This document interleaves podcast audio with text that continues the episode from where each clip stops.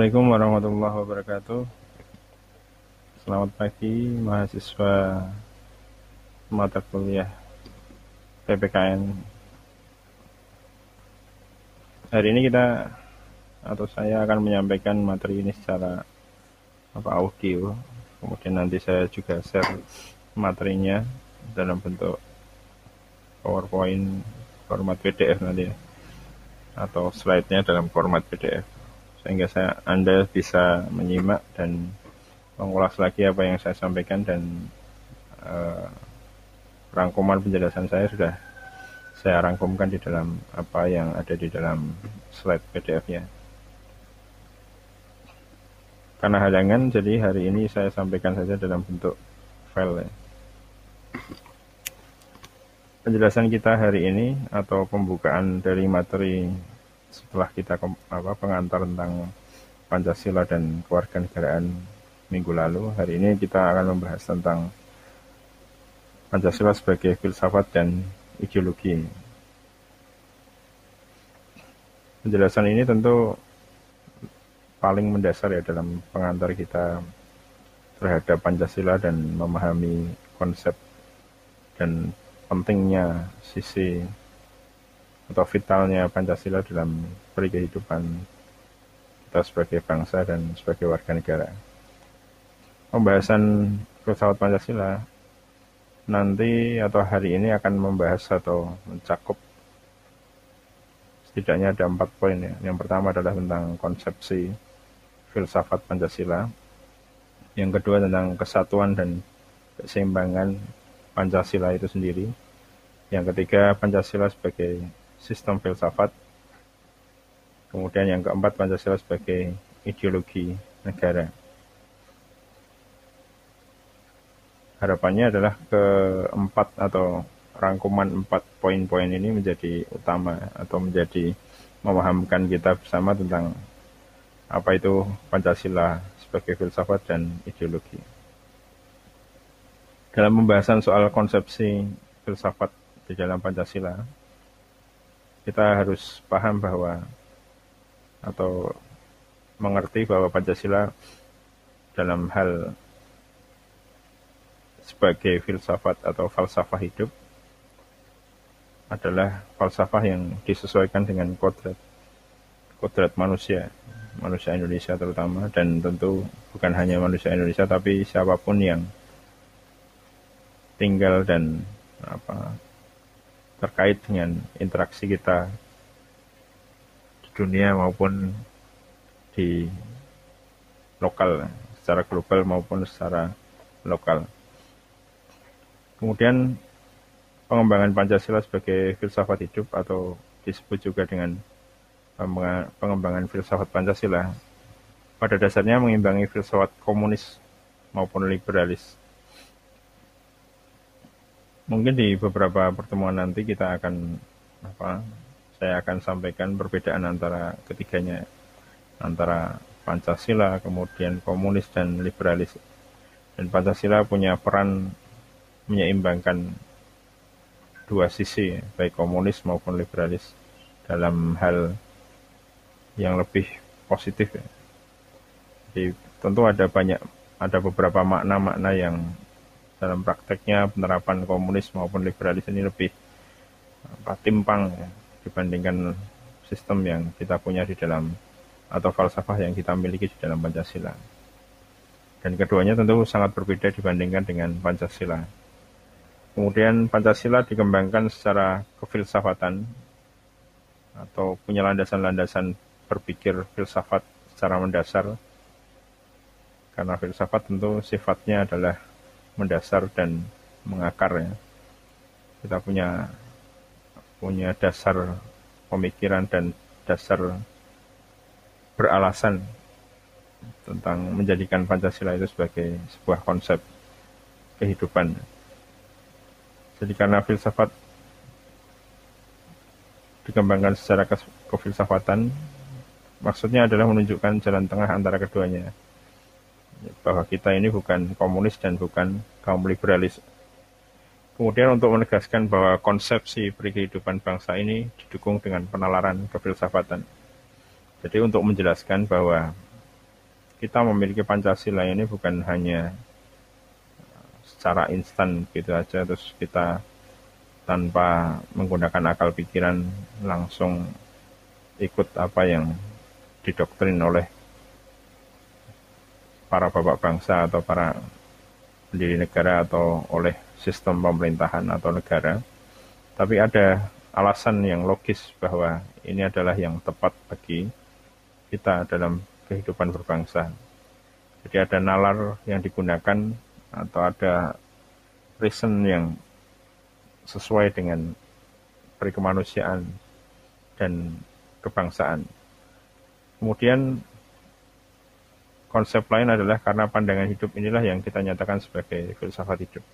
Atau Pancasila inilah yang kemudian nanti menjadi landasan hidup dalam bernegara. Jadi kita paham bahwa konsepsi kita ini punya apa punya hubungan atau punya relasi yang logis dengan landasan apa, berbangsa, punya akar yang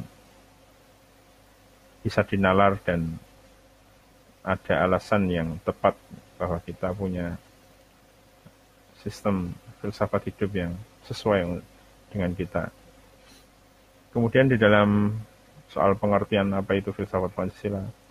Jadi dalam hal secara letterlek atau secara etimologi, filsafat Pancasila bisa diartikan bahwa filsafat ini maknanya secara letterlek adalah cinta pada kebijaksanaan atau filosofia. Filosofia, kebijaksanaan adalah sofia, filo itu adalah kecintaan Kemudian Pancasila itu tentu maknanya adalah lima sila. Jadi cinta kecintaan pada sumber kebijaksanaan yang berupa lima asas atau lima sila.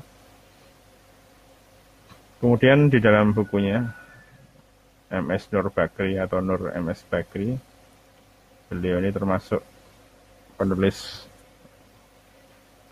uh, yang rutin ya dan akademisi juga yang ada beberapa buku terkait dengan Pancasila dan filsafat Pancasila.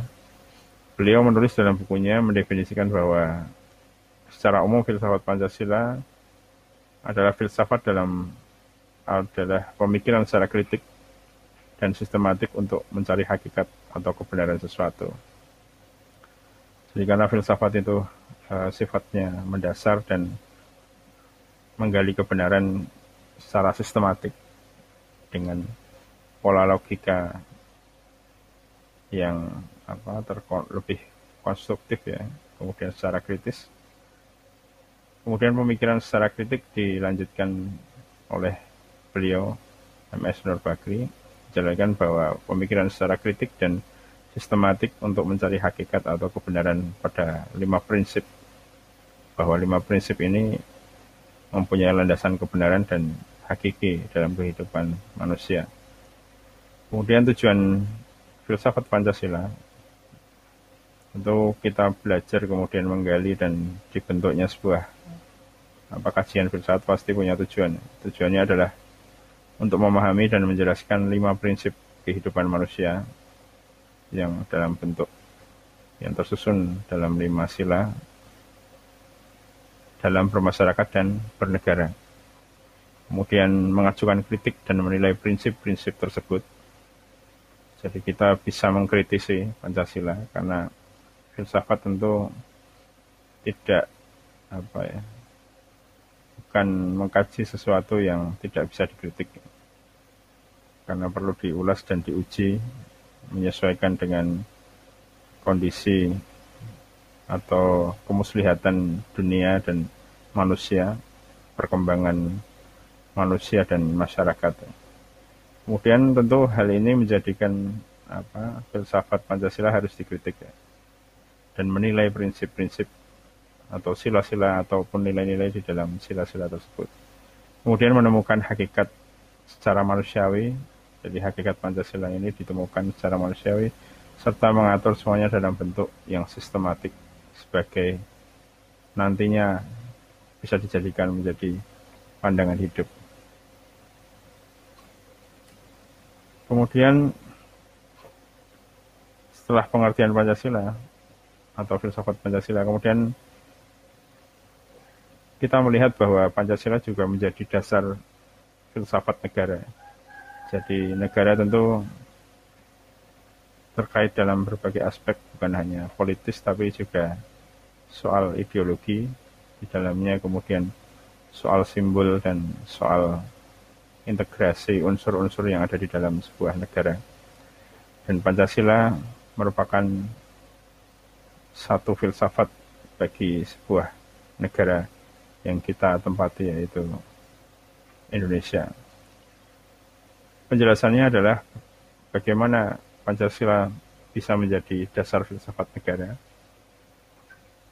Karena materinya sudah ada sejak bangsa Indonesia ini ada. Hanya saja rumusannya yang baru kemudian sekitar proklamasi kemerdekaan muncul. Sebagaimana yang sudah kita jelaskan kemarin tentang bagaimana rumusan-rumusan itu disampaikan oleh para tokoh bangsa di sidang PPU-PKI kemudian dimatangkan dalam dalam majelis-majelis setelahnya tentang konsep landasan filsafat bernegara. Karena punya landasan yang atau materinya itu sudah matang atau sudah ada sebelumnya, kemudian landasan kemerdekaan ini menjadi landasan apa? menjadi milestone ya atau tonggak ketika kita mulai merumuskan lebih matang lagi dasar Pancasila ini atau dasar uh, filsafat bernegara kita yang dinamai Pancasila, maka bisa dikatakan bahwa Pancasila itu lahir sejak adanya bangsa Indonesia dan bukan hal baru. Jadi unsur-unsur atau nilai-nilai yang ada di dalamnya bukan hal baru yang baru kita kenal seketika dirumuskan oleh para tokoh bangsa itu. Tapi jauh sebelumnya, sejak bangsa ini ada, kemudian jika kita ketahui di 1 Juni 1945 sebagai lahirnya Pancasila itu hanya terkait dengan penamaan saja. Jadi namanya memang disebut sebagai Pancasila tetapi secara filosofi atau secara filsafatnya itu sudah ada jauh sebelumnya. Atau landasan kejiwaan, landasan berpikir atau secara nalar itu sudah berjalan sangat lama jadi apa yang dirumuskan oleh para bapak bangsa di dalam PPOPKI itu, sidang PPOPKI, kemudian kita kenal, kemudian dirangkum di 1 Juni 1945. Jadi rapatnya itu sudah sejak Mei disampaikan penyampaian tentang apa konsep dasar negara, kemudian ditutup dan dirangkum oleh Insinyur Soekarno di 1 Juni 1945. Beliau juga menjelaskan bahwa apa yang beliau sampaikan itu merupakan rangkuman dari apa yang disampaikan oleh para tokoh-tokoh sebelumnya.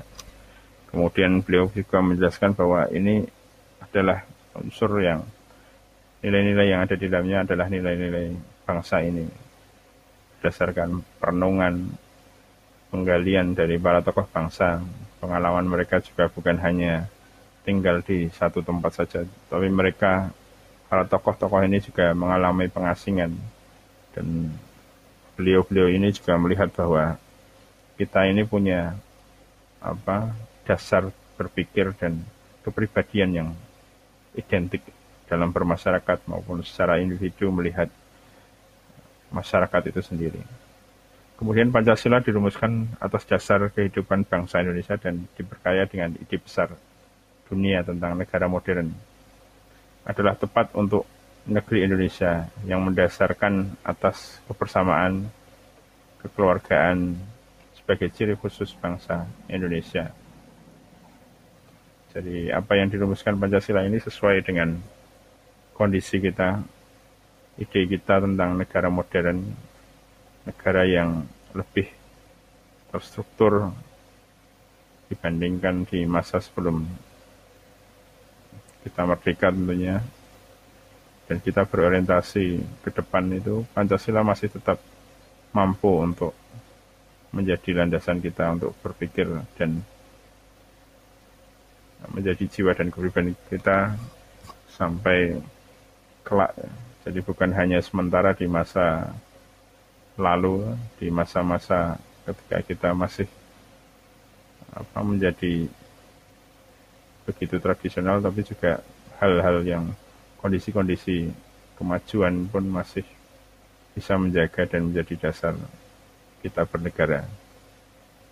Kemudian di dalam Pancasila sebagai dasar filsafat negara secara lanjutan, penjelasannya adalah ada beberapa poin-poin terkait dengan apa tahap-tahap sejarah atau beberapa tonggak sejarah. Sejak proklamasi 17 Agustus 45 sampai dekret Presiden 5 Juli 59 dan muncul impres nomor 12 13 April 1968 Pancasila tetap dinyatakan sebagai dasar filsafat negara. Jadi konsisten ya, begitu disampaikan dan dirumuskan sejak apa, Mei kemudian Juni 1945 peristiwa-peristiwa penting di bangsa ini tidak menggoyahkan posisi Pancasila itu sebagai dasar filsafat. Jadi tidak tidak menjadikan apa apa pun bentuk perjuangan demi bangsa ini tidak menjadikan Pancasila itu digantikan dengan filsafat yang lain. Untuk upaya untuk merongrong dan apa mengganti Pancasila ada, tapi itu bukan oleh mereka yang mencintai atau memahami dasar filsafat negara, tapi ingin mengganti dan tentu dengan kepentingan yang berbeda untuk merubah dan menguasai sistem yang ada di dalam Indonesia. Kemudian di pembukaan UUD 45 kemudian terkait dengan di dalamnya ada mukadimah UDS RI 1950 kemudian lalu dengan TAP MPR nomor 2 tahun 78 tentang PPK tentang P4 ya yang dulu sering kita sebagai pelajar kemudian sebagai baik pelajar maupun pegawai kemudian mahasiswa atau siapa pun perlu mengikuti penataran dulu ya, penataran P4. Sekarang sudah tidak ada pedoman penghayatan dan pengamalan Pancasila. Jadi sila-sila yang ada di Pancasila itu mempunyai apa nilai-nilai yang di breakdown atau diurai dalam beberapa poin. Kemudian itu diinternalisasi menjadi proyek yang panjang yang diselenggarakan selama Orde Baru. Kemudian disebut dengan istilah Eka Prasetya Pancakarsa atau satu kesetiaan dengan lima kehendak. Nah, hal ini menjadikan tetap menjadi dasar filsafat negara atau Pancasila itu menjadi landasan filsafat yang lebih kuat ya. Karena bisa diurai kemudian ternyata sesuai dengan peri kehidupan kita sehari-hari. Dan itu tentu disadari oleh mereka yang mengikuti atau belajar tentang P4 pada waktu itu. Sejak 78 dicanangkan P4 kemudian Pancasila dalam kehidupan bermasyarakat berfungsi juga sebagai filsafat hidup melandasi semua pola kehidupan yang bersifat haki sudah sejak bangsa Indonesia ada dan kini lebih konkret. Jadi karena landasan hidup ini terkait dengan misalkan apa seliro kemudian saling menghormati satu sama lain kemudian apa bermusyawarah kemudian soal hal-hal terkait dengan ketuhanan kemanusiaan, kemudian saling bantu dengan yang lain, gotong royong, dan sebagainya itu juga menjadi kebiasaan hidup. Yang itu semua atau hal-hal baik yang menjadi karakter bangsa Indonesia ini adalah filsafat itu sendiri, filsafat bangsa itu. Kemudian dirangkum dan diterjemahkan secara sistematis menjadi Pancasila. Karena dulunya tentu hal-hal itu bertebaran di berbagai pelosok negeri kemudian semuanya punya kesepakatan yang sama atau secara hukum itu adalah hukum yang tanpa harus berdasarkan undang-undang tapi hukum yang hakiki. Jadi bisa dikatakan seperti orang ketika melihat kejahatan maka kejahatan yang didefinisikan undang-undang tapi filsafat Pancasila ini adalah filsafat atau bentuk hukum yang tanpa dijelaskan atau didefinisikan oleh aturan mana pun itu sudah menjadi bagian internal dalam filsafat kehidupan. Jadi ketika itu diingatkan atau disampaikan lagi di dalam forum-forum yang sifatnya nasional dan kedaerahan pun itu masih dipercayai bahwa itu punya prinsip yang sama. Satu daerah, daerah yang lain mengakui bahwa itu adalah sama. Kemudian Pancasila juga pemersatu bangsa, karena ada kesamaan hal yang sejiwa ya dalam hal pemahaman tentang nilai-nilai kehidupan dan dasar hidup bersama yang kemudian dirangkum dan diuraikan dan di apa ya sari-sari intisari dari semuanya itu dirangkum dalam Pancasila. Nilai-nilai kemudian menjadi sila-sila. Kemudian itu menjadi pemersatu karena mudahnya kita memahami bersama dari Sabang sampai Merauke bahwa itu unsur-unsur yang kita yakini bersama. Yang di dalamnya merumuskan cita-cita Indonesia untuk mewujudkan keadilan sosial. Jadi persatuan e, mengarahkan kepada kebersamaan untuk mencapai cita-cita bersama dan tujuan akhirnya adalah mewujudkan keadilan sosial. Harapannya untuk kondisi demikian adalah kondisi yang menjadi cita-cita bersama, walaupun kenyataannya belum tentu sesuai atau belum tentu dalam realisasinya adalah terkait dengan berbagai kepentingan kita sering kali tidak mengalami hal yang sama. Jadi kondisi itu kan berubah-ubah tapi harapan itu tentu bagi mereka yang sadar tentang apa tentang jiwa kita sebagai bangsa Indonesia tentu harus kembali untuk berjuang mewujudkan kesejahteraan sosial bagi seluruh rakyat Indonesia. Kemudian di dalam uh, Pancasila ada terdapat beberapa pokok-pokok pikiran. Jadi pokok-pokok pikiran ini terkandung di dalam UD 45 beberapa pokok pikiran tersebut ada empat yang bisa kita uraikan dari pembukaan UD 45 ini. Yang pertama adalah negara melindungi segenap bangsa Indonesia dan seluruh tumpah darah Indonesia dengan berdasarkan atas persatuan dengan mewujudkan keadilan sosial bagi seluruh rakyat Indonesia. Kemudian pokok pikiran kedua, negara hendak mewujudkan keadilan sosial bagi seluruh rakyat Indonesia. Pokok pikiran ketiga negara yang berkedaulatan rakyat berdasar atas kerakyatan dan permusyawaratan perwakilan. Nah, hal ini yang merupakan pokok pikiran dari konsep kedaulatan rakyat. Kemudian pokok pikiran keempat adalah negara berdasarkan atas ketuhanan yang Maha Esa menurut dasar kemanusiaan yang adil dan beradab. Jadi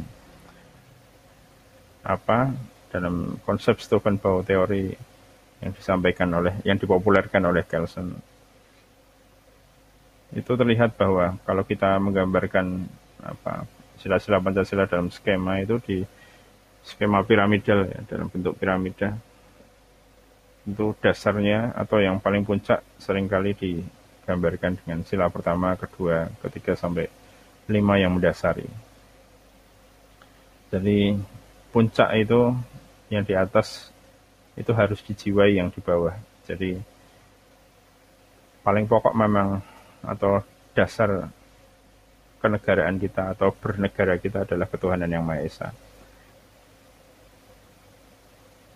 Kemudian dilandasi dengan kemanusiaan yang adil dan beradab dan dilandasi oleh keadilan sosial, kemudian permusyawaratan dan seterusnya. Jadi poin-poin yang di atas atau sila pertama itu harus dijiwai oleh sila-sila berikutnya.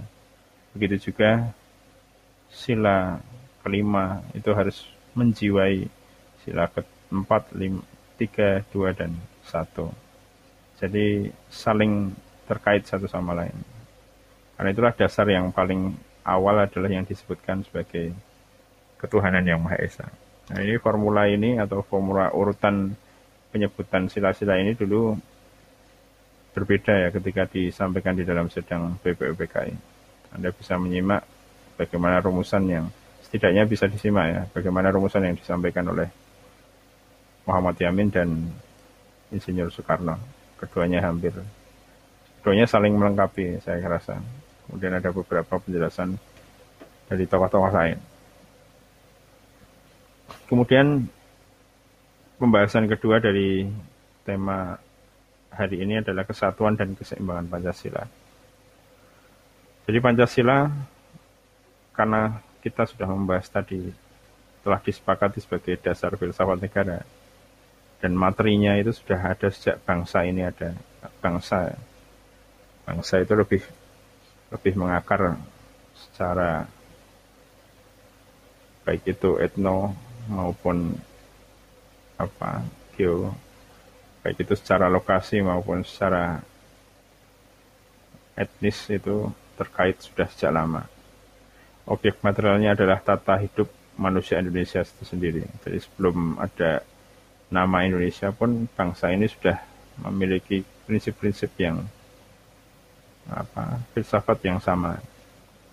Kemudian Pancasila sebagai pemersatu bangsa, susunannya juga merupakan kesatuan organik yang tidak terpisahkan. Bagaimana tadi disampaikan dalam konsep apa Steubenville teori tentang piramidal penyebutan atau susunan sila-sila Pancasila. Masing-masing sila saling terhubung erat, saling mensifati dan mengkualifikasi. Jadi saling menguatkan, mengkualifikasi dan berkaitan. Kemudian Pancasila juga mengandung unsur keseimbangan. Pertama, mempertemukan ide golongan Islam dengan nasionalis untuk penegakan negara. Kedua, antara sifat individu dan sifat sosial dalam masyarakat. Kemudian yang ketiga, keseimbangan sintesis antara sistem demokrasi modern dengan tradisi lama bangsa Indonesia, yaitu musyawarah mufakat. Jadi kalau kita paham dan kita menyimak landasan berpikir Pancasila kemudian kita pertemukan dengan konsep-konsep bernegara yang modern, tentu hal ini tidak lepas ya bahwa apa selisih atau kemuslihatan yang dibuat oleh sistem bernegara modern oleh Barat itu sering kali malah kita menemukan formula yang begitu harmonis yang disampaikan di dalam apa tradisi yang ada di dalam bangsa Indonesia. Misalnya adalah soal konsep musyawarah mufakat, kemudian gotong royong, kemudian apa menghargai saudaranya, kemudian saling bahu-membahu dan menghargai kemanusiaan, kemudian mengutamakan atau melandaskan semuanya itu di dalam konsep religius ya, atau ketuhanan yang Maha Esa. Jadi konsep kita memang kalau kita mengkaji berulang-ulang atau membaca berulang kemudian membandingkan dengan sistem modern ya sering kali sistem modern atau sistem demokrasi demokrasi di luar demokrasi Pancasila tentu kita semakin hari melihat semakin banyak yang runtuh sebagaimana disampaikan di dalam uh, The Economist kalau tidak salah di setahun yang lalu atau sebelum pandemi itu disampaikan bahwa dari semua negara yang menggunakan sistem demokrasi yang ada di dunia ini mereka yang ada di dalam negara demokratis tersebut mengakui atau merasa bahwa dalam hasil apa polling atau sensus yang mereka buat terkait dengan eksistensi demokrasi itu kira-kira tidak sampai 50% mereka itu merasa hidup dalam negara yang benar-benar demokratis. Jadi perasaan atau rasa hidup di dalam negara yang menghargai suara rakyat, kemudian prinsip-prinsip dari rakyat oleh rakyat untuk rakyat itu sudah hilang digantikan oleh konsep-konsep yang lain. Karena ada kepentingan-kepentingan lain masuk ke dalam apa kehidupan mereka dan mempengaruhi sistem politik yang ada di dalam negeri termasuk Prancis ya Prancis yang menjadi simbol Amerika juga negara-negara yang ikonik kemudian menjadi simbol tumbuh kembangnya atau lahirnya demokrasi itu sendiri, demokrasi modern atau filsafat para pemikir filsafat demokrasi juga sudah mulai runtuh. Demokrasi ditunjukkan gini dengan demonstrasi bahwa keadilan terhadap buruh misalkan di Prancis itu tidak seimbang atau tidak kurang dihargai. Kemudian apalagi kalau di dalam demokrasi yang apa saya rasa di Indonesia mungkin agak lebih lebih safe ya atau lebih aman dibandingkan apa yang ada di Amerika karena Amerika itu kan negara yang konsepnya atau sistem negaranya itu tidak tidak di back up atau di jadi di backbone-nya atau latar belakang kekuatan ekonominya dan penggeraknya itu bukan bukan BUMN ya seperti di Indonesia, tapi mereka lebih ke perusahaan-perusahaan privat, perusahaan-perusahaan korporasi di luar sistem negara. Jadi bisnis itu sangat atau perusahaan-perusahaan besar itu bisa mempengaruhi kebijakan selama mereka menyokong pemerintahan dengan dana. Mereka bisa mempengaruhi dan mengambil dominasi suara di apa di dalam kebijakan.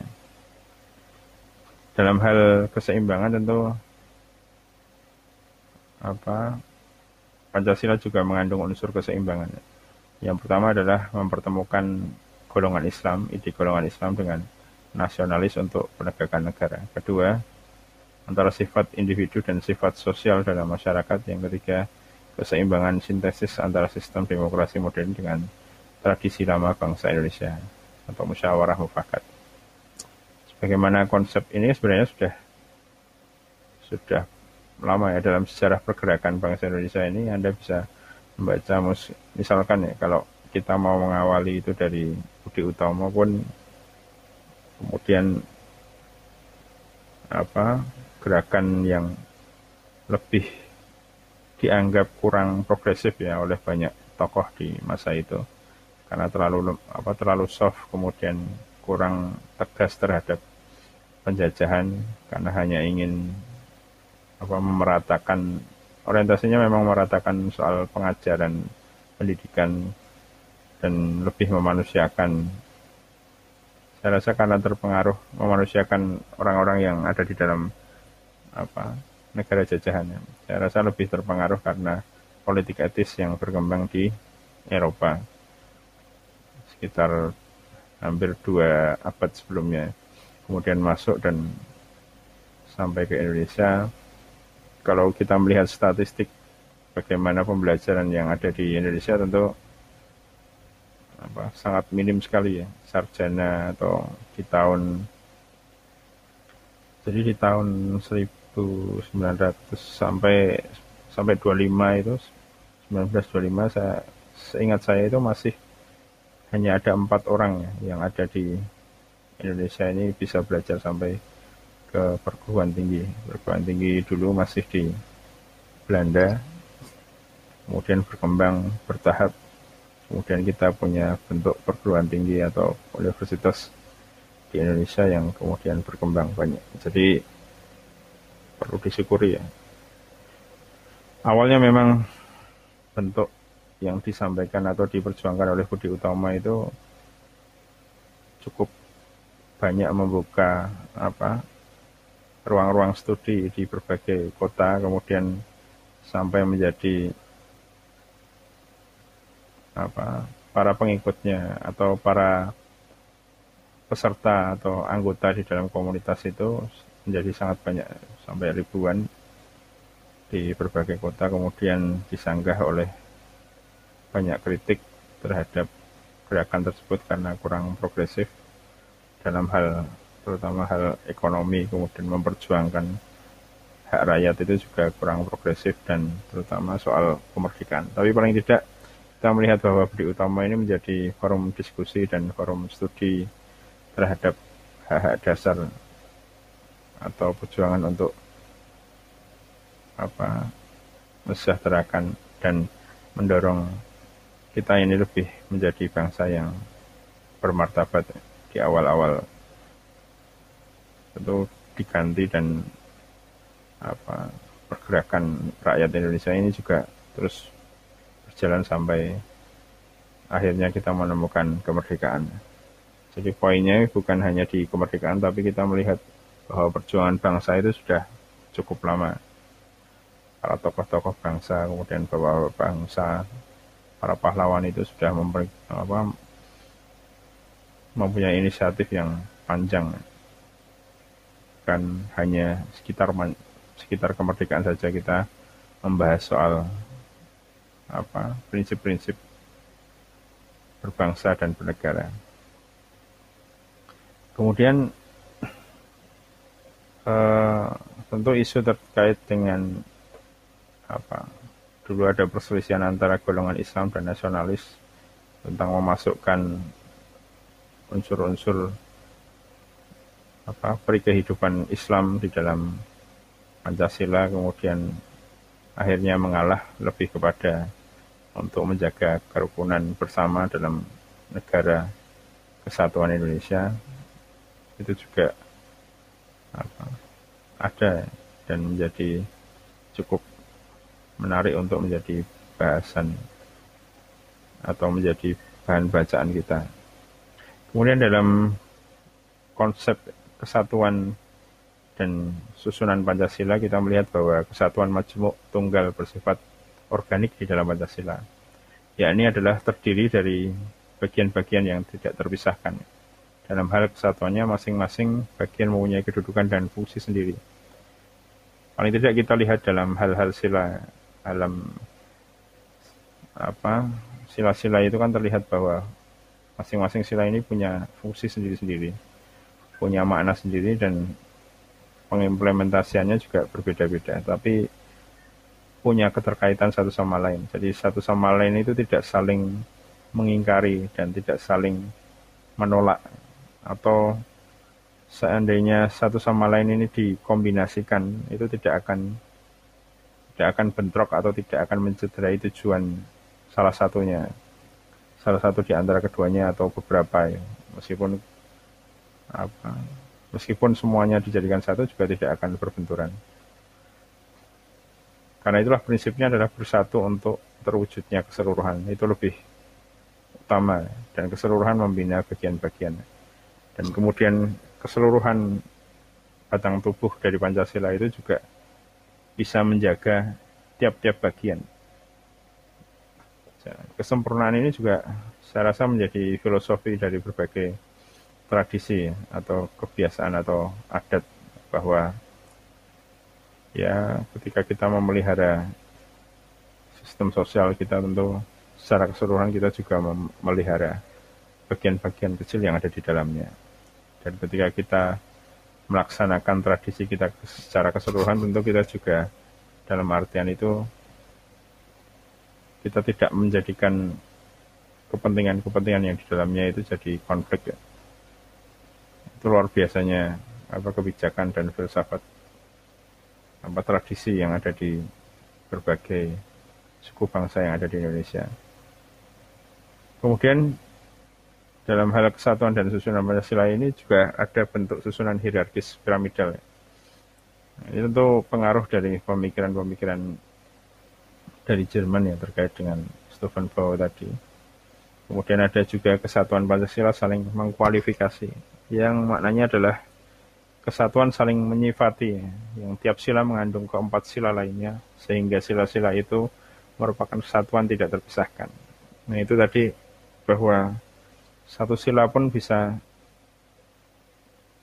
bisa mencerminkan sila-sila yang lain. Jadi dalam pemahaman ini tentu satu sila itu tidak boleh menentang sila-sila lain dalam pelaksanaannya. Kemudian tidak boleh mereduksi atau mengurangi makna dari sila-sila lain. Karena itulah yang paling afdol atau paling baik tentu ketika kita melaksanakan salah satu sila kita juga menjunjung tinggi sila-sila yang lain.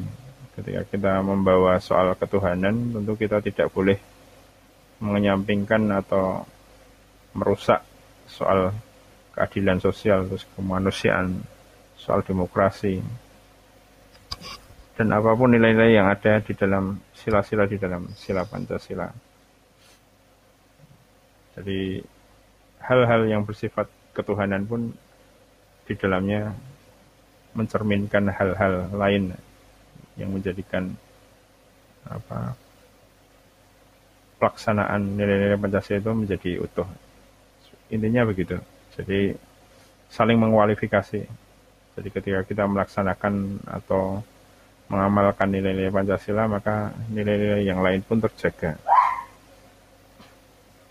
Kemudian di dalam keseimbangan konsensus eh, terkait dengan Pancasila ada keseimbangan konsensus nasional ya. Hal ini terlihat jelas konsensus kaum religius dan nasionalis membentuk konsep negara teis demokratis atau negara religius demokratis religius kemudian keseimbangan sistem masyarakatan, Pancasila menjadi penyeimbangan kaum individualis dan kaum kolektivis, sehingga menjadi negara monodualistis. Satu negara, di dalamnya ada dua unsur, baik itu kaum individualis dan kaum kolektivis ini ditemukan keseimbangannya, bahwa ada kepentingan pribadi yang harus dijaga atau dihormati dan dilindungi, begitu juga ada kepentingan sosial yang dijunjung tinggi. Atau dalam hal ini dalam paham lain ada konsep hukum kemudian ada konsep sosial yang sifatnya adalah integralistik. Jadi apa yang apa yang khusus dan yang umum bisa diharmonikan dijalankan secara bersama. Kemudian ada keseimbangan sistem kenegaraan Terbukti Pancasila mampu menjadi sintesis antara dasar-dasar negara demokratis atau demokrasi modern dengan dasar-dasar tradisi dengan musyawarah mufakatnya. Karena itulah konsep yang sudah sejak lama ada di negeri ini sebenarnya juga dialektis atau kita menyebutnya konsep kenegaraan yang terkait dengan musyawarah mufakat ini terkait dengan konsep negara dialektik. Bahwa kita mengenal apa permusyawarahan bahwa kita bukan apa bukan bangsa yang otoriter dalam hal keputusan kebijakan tapi kita lebih mengedepankan permusyawaratan. Kemudian mempertemukan di dalam sebuah forum misalkan ada suatu permasalahan sosial kita selesaikan dalam apa musyawarah kemudian kita mencari kata mufakat atau kesepakatan bersama. Nah, di sini dengan tergambar dalam ungkapan negara dialektik ada dialektika atau ada ada ada apa ya ada komunikasi kemudian menyeimbangkan antara kepentingan-kepentingan menjadi satu kepentingan bersama. Mana yang dominan diseimbangkan dengan mana yang apa yang minor ya. Kemudian berusaha melengkapi satu sama lain dan tidak mengganggu atau mencederai kepentingan masing-masing. Demi kepentingan bersama tentunya, demi kepentingan yang lebih besar. Kemudian Pancasila sebagai sistem filsafat juga merupakan hasil perenungan tentang ciri-ciri pokok filsafat bahwa sistem filsafat itu prinsipnya harus koheren, kemudian menyeluruh, mendasar, dan memiliki sisi spekulatif. Dan sebagai filsafat hidup bangsa, Pancasila berlandaskan pada hakikat kodrat manusia monopluralis. Sebagaimana tadi dijelaskan, hampir sama dengan monodualistis, monopluralis. Kemudian dua hal tersebut akan diuraikan dalam bagian sesuai atau khusus ciri-ciri filsafat sekaligus diterapkan di dalam Pancasila. dan dibuktikan juga kebenarannya dengan penalaran yang runtut dan sah. Jadi kita tidak melihat dalam apa berbagai literatur terkait dengan filsafat Pancasila kita selalu melihat bahwa Pancasila ini punya alur logika yang baik, kemudian punya apa cara berpikir yang runtut dan dan sah ya secara filsafat, secara cara berpikir, secara aturan berpikir keilmuan itu logis. Ada beberapa hal yang uh, menjadikan kita perlu merenungi tentang kefilsafatan Pancasila ini. Jadi kita dapat merumuskan bahwa pemikiran secara rasional untuk menyusun suatu sistem pengetahuan yang memadai guna memahami dunia dan alam semesta maupun manusia dan kehidupannya serta memahami semua yang ada. Ini tercermin dalam kefilsafatan Pancasila. Jadi kita tentu tidak hanya memahami individu, tapi kita juga melihat interaksi antara individu dan hubungan kita dengan sekeliling kita termasuk bukan hanya manusia tapi juga alam dan lingkungan. Kemudian filsafat juga membicarakan tentang fakta-fakta dasarnya. Kalau kita membahas filsafat Pancasila, tentu kita juga harus mengurai apa hubungan yang nyata antara filsafat Pancasila dengan dasar berpikir filsafat. Yang pertama adalah filsafat itu mengajukan kritik atas makna yang dikandung di dalam fakta-fakta. Nah ini tentu tidak terbantahkan ya, karena filsafat Pancasila tentu berdasarkan fakta fakta bahwa bangsa Indonesia itu apa berketuhanan, kemudian bermusyawarah, kemudian apa nilai-nilai lain yang terkandung di dalam Pancasila itu tercermin. Jadi kalau kritik apa misalkan nilai yang dimunculkan atau poin-poin atau landasan filsafat yang dituliskan di dalam Pancasila itu tentu kalaupun ingin diperbentur dibenturkan dengan fakta tentu berkesinambungan atau punya kenyataan atau kritik kritik apa pun secara realitas itu ada ada hubungannya dengan fakta yang ada di masyarakat atau di dalam perikehidupan bangsa Indonesia. Kemudian filsafat punya konsep menarik kesimpulan-kesimpulan yang bersifat umum dari fakta-fakta. Jadi ya sama, jadi memang Pancasila itu sendiri juga menarik atau mengambil kesimpulan atau merangkum pengertian-pengertian itu dari fakta-fakta. Jadi karena kita majemuk dan kita mempunyai banyak suku bangsa, tentu itu adalah sari atau intisari dari semua apa dasar-dasar fakta umum dari berbagai suku bangsa itu disarikan atau diambil intisarinya menjadi Pancasila. Ya.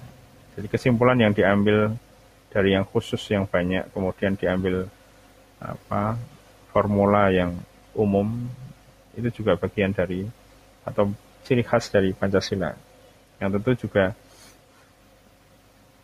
mencerminkan apa Pancasila itu sebagai landasan filsafat. Kemudian rumusan kefilsafatan, kefilsafatan Pancasila bisa kita lihat bahwa pemikiran secara rasional untuk menyusun Pancasila merupakan pemikiran rasional untuk menyusun sistem pengetahuan tentang kehidupan manusia dalam bermasyarakat dan bernegara atas dasar lima prinsip dan berlandaskan hakikat kodrat manusia. Kemudian tadi sudah disampaikan bahwa ciri-ciri filsafat Pancasila itu adalah koheren, maknanya adalah dalam hubungan antara bagian-bagian atau sila-sila yang ada di dalam Pancasila dan tidak ada pernyataan-pernyataan yang saling bertentangan. Pernyataan apa pun terkait satu sila di dalam Pancasila itu tidak tidak bertentangan semestinya. Kalaupun bertentangan tentu itu sudah bukan pemahaman yang Pancasila pemahaman yang sesuai dengan apa kaidah atau cara berpikir atau jiwa dan kepribadian atau landasan konsep pemahaman kita tentang filsafat berbangsa. Misalkan dalam hal apa ketuhanan ternyata ketuhanan atau prinsip-prinsip ketuhanannya tidak menghargai kemanusiaan. Nah, itu tidak koheren. Itu bukan Pancasila. Jadi pemahaman yang nilai ketuhanan di Pancasila itu bukan seperti itu. Tidak akan mencederai empat sila yang lain. Kemudian itu koheren ya. Kemudian menyeluruh dalam hal meliputi semua tata kehidupan manusia dalam bermasyarakat dan bernegara atau ideologi yang demikian ini harusnya demikian ya menyeluruh bukan hanya parsial kalau parsial nanti bisa dikiring kepada hanya meliputi hanya mencakup pada kepentingan-kepentingan tertentu kemudian mendasar dalam hal sampai ke inti mutlak tata kehidupan dan hubungan antar manusia kemudian dalam hal ciri-ciri filsafat ada ciri spekulatif ya sudah dapat memunculkan peranggapan atau hipotesis. Jadi sebelum asum sebelum apa sebelum kesimpulan itu sering kali kita belum berangkat kepada kenyataan di masyarakat itu sudah ada hipotesis atau asumsi sebagai hasil perenungan. Jadi cukup dengan perenungan dan permulaan atas dasar filsafat filosofi bangsa Indonesia. Jadi sebagai bangsa, hal spekulatif ini bisa diambil, bisa ditarik ketika kita hendak masuk ke dalam pemahaman tentang Pancasila. Tapi posisi yang tepat tentu posisi ketika dia yang berpikir apa spekulatif itu adalah bangsa Indonesia itu sendiri atau bagian dari bangsa Indonesia. Itu cara spekulasinya atau cara dia mengambil hipotesisnya itu tidak apa ya tidak sebagaimana tadi dijelaskan tidak terlalu liberal kemudian atau tidak cenderung kepada komunis. Kita keseimbangan antara keduanya. Dan kita tidak berusaha mencederai apa landasan berpikir atau landasan prinsip-prinsip kehidupan kita itu untuk cenderung kepada apa sisi yang lebih ekstrim dan sisi yang punya potensi merusak sisi yang lainnya atau selalu dalam keseimbangan dalam masyarakat. Jadi di dalamnya ada koherensi, kemudian sifatnya juga menyeluruh, kemudian sifatnya mendasar dalam hal berfilsafat, kemudian punya potensi atau punya apa kemampuan untuk atau membuka peluang bagi peranggapan atau hipotesis. Kemudian dalam hal ideologi, definisi ideologi secara umum adalah kesatuan gagasan-gagasan dasar. Anda perlu memperhatikan ini bahwa ini adalah hal yang tentu ada di dalam Pancasila karena kita sudah meyakini bahwa Pancasila sebagai ideologi negara. Tanpa diambil logikanya itu kebalik misalkan hanya karena kita sebagai bangsa ini menganggap Pancasila sebagai ideologi negara atau dengan setelah kita mempelajari Pancasila itu kita paham bahwa Pancasila itu ya ideologi negara. Ideologi negara apa ideologi negara dengan melihat definisi ideologi. Jadi definisi ideologi secara umum adalah kesatuan gagasan-gagasan dasar yang sistematik dan menyeluruh tentang manusia dan kehidupannya, baik individual maupun sosial dalam kehidupan kenegaraan. Itu sudah terangkum bahwa semuanya sudah terangkum. Sebagaimana kita jelaskan dalam cara berpikir para tokoh bangsa itu berpikirnya secara koheren satu sama lain saling terkait kemudian menyeluruh kemudian mendasar. Itu sudah cukup ya spekulatif tanpa dimasukkan. Itu sudah cukup menjadi wakil atau mewakili dari konsep berpikir bahwa Pancasila itu adalah sebuah ideologi. Lemhanas atau Lembaga Pertahanan Nasional memberikan batasan dari definisi tersebut bahwa perangkat prinsip pengarahan yang dijadikan dasar ideologi itu adalah perangkat untuk mengarahkan, kemudian dijadikan dasar serta memberikan arah dan tujuan untuk dicapai di dalam melangsungkan dan mengembangkan hidup dan kehidupan nasional suatu bangsa dan negara. Fungsi alam hanas itu juga vital dulu ya. Jadi ketika seseorang itu hendak menjadi pejabat atau kepala daerah maupun pemerintahan atau anggota dewan atau menteri pun setahu saya, seingat saya harus melalui pendidikan di Lemhanas. Jadi dulu itu potensi pendidikannya kan ketat ya terkait dengan ideologi kemudian apa sistem bernegara dan berbangsa sebagai pemimpin dan sebagainya. Itu tentu dulu saya rasa sulit untuk mencari atau menemukan orang yang tidak memahami Pancasila ketika mereka menjadi pemimpin dan mereka tentu sangat memperhatikan nilai-nilai itu ketika memimpin mereka tidak apa kalau sekarang mungkin ada juga mereka yang tidak paham dengan atau kadang kita melihat apa berita itu pemimpin atau tokoh itu yang tidak paham atau tidak hafal dengan sila-sila Pancasila atau tidak paham betul tentang sejarah bangsa, kemudian tentang UD 45 atau pembukaan UD 45 atau prinsip-prinsip dan nilai-nilai dasar bernegara dan landasan filsafat Pancasila itu tidak menguraikan atau tidak mampu menjelaskan. Ini melihatkan bahwa saya rasa perlu di pemerintah itu perlu memperketat dalam hal menjaring calon pemimpin ataupun mereka yang sudah terpilih harusnya mengikuti pendidikan Lemhanas sebagaimana dulu. Kemudian di dalam hal ideologi, menurut Profesor Kunto Wibisono, guru besar filsafat, bahwa di dalam ideologi itu harus ada beberapa unsur yaitu unsur keyakinan bahwa setiap ideologi selalu memuat konsep-konsep dasar yang menggambarkan seperangkat keyakinan yang diorientasikan kepada tingkah laku para pendukungnya untuk mencapai suatu tujuan yang dicita-citakan. Kemudian ada unsur mitos bahwa setiap ideologi selalu memitoskan suatu ajaran dari seseorang atau beberapa orang sebagai kesatuan. Secara fundamental mengajarkan suatu cara bagaimana suatu hal yang ideal itu pasti dapat dicapai. Kemudian yang ketiga ada unsur loyalitas di dalam ideologi setiap ideologi selalu menuntut dalam hal loyalitas setiap ideologi itu selalu menuntut adanya kesetiaan atau keterlibatan optimal para pendukungnya. Jadi dalam hal unsur ini ada beberapa unsur di bawahnya, sub unsur yaitu bahwa loyalitas ini perlu didasari dengan rasional. Rasionalitas penghayatan dan susila atau apa tata krama dalam pelaksanaan loyalitas itu sendiri.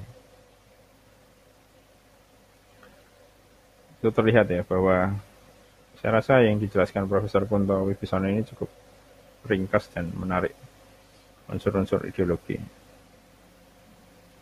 Kemudian dari Pancasila sebagai ideologi terbuka, kita melihat bahwa Pancasila itu selalu relevan dan aktual dalam kurun waktu sampai sekarang pun masih relevan terutama dalam membina generasi bangsa itu juga masih relevan ya semakin lemahnya generasi bangsa atau semakin buruknya generasi atau bukan hanya yang generasi muda tapi yang tua pun juga mungkin punya kebiasaan yang semakin buruk misalkan semakin korup atau semakin apa tidak memperhatikan integrasi bangsa. Nah itu tentu pembinaan Pancasila ini juga tetap aktual ya, tetap relevan. Karena pada prinsipnya Pancasila selalu ideal terhadap konsep yang dulu atau yang sudah dibina oleh apa, para pendiri bangsa maupun para leluhur bangsa yang ada di Nusantara. Maka ada beberapa konsep atau beberapa ciri khusus ya terkait apa itu ideologi terbuka. Jika Pancasila sebagai ideologi terbuka maka harus bersifat realis, realis atau terbuka terhadap kenyataan hidup yang berkembang dalam masyarakat. Sebagaimana masyarakat itu adalah tempat ideologi itu lahir dan berkembang. Jelas ini realis, realistis. Pancasila tentu realistis dalam hal ini. Dalam hal apa pun dalam kehidupan berbangsa dan bernegara dan bermasyarakat.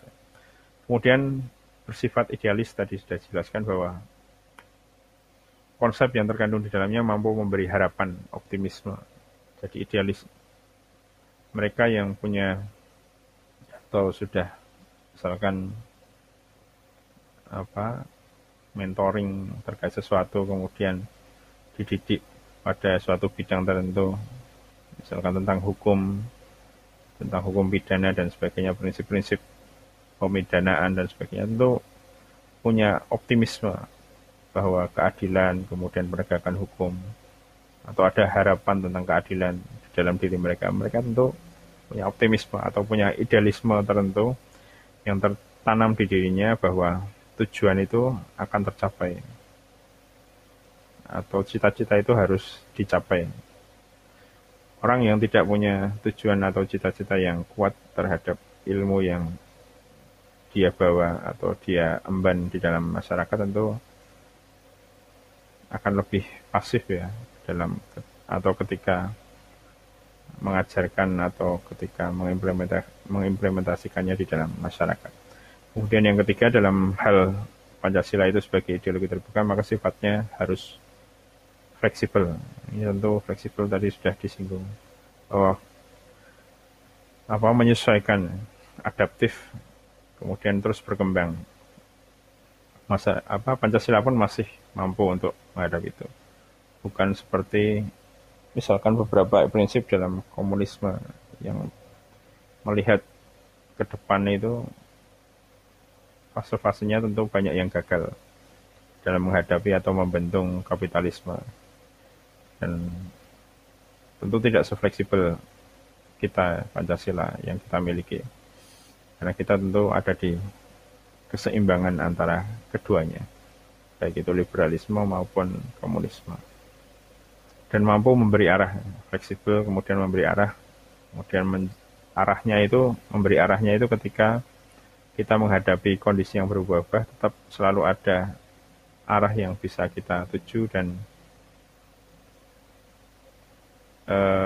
cara memberi arah tentu dengan penafsiran-penafsiran ya, menyesuaikan dengan penafsiran kondisi yang ada. Tapi kita tetap bisa menafsirkan Pancasila itu menyesuaikan dengan kondisi yang ada saat itu.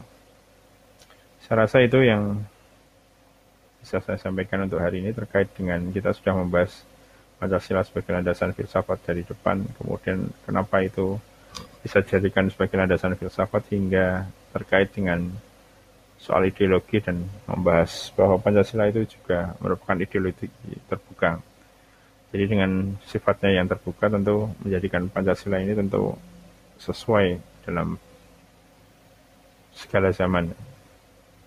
Tapi tentu hal itu semua kembali kepada kita, kita yang mengamalkan dan kita yang menjaga Pancasila. Jika kita tidak berhati-hati maka tentu atau kita tidak terus belajar tentang konsep ini maka kita juga bisa kehilangan dasar-dasar terhadap ideologi dan prinsip apa filsafat Pancasila ini sendiri. Demikian yang saya sampaikan. Jika ada pertanyaan silahkan Anda sampaikan secara langsung baik di forum-forum yang sudah tersedia yang ada di sarana perkuliahan kita. Demikian, terima kasih. Semoga bermanfaat. Assalamualaikum warahmatullahi wabarakatuh.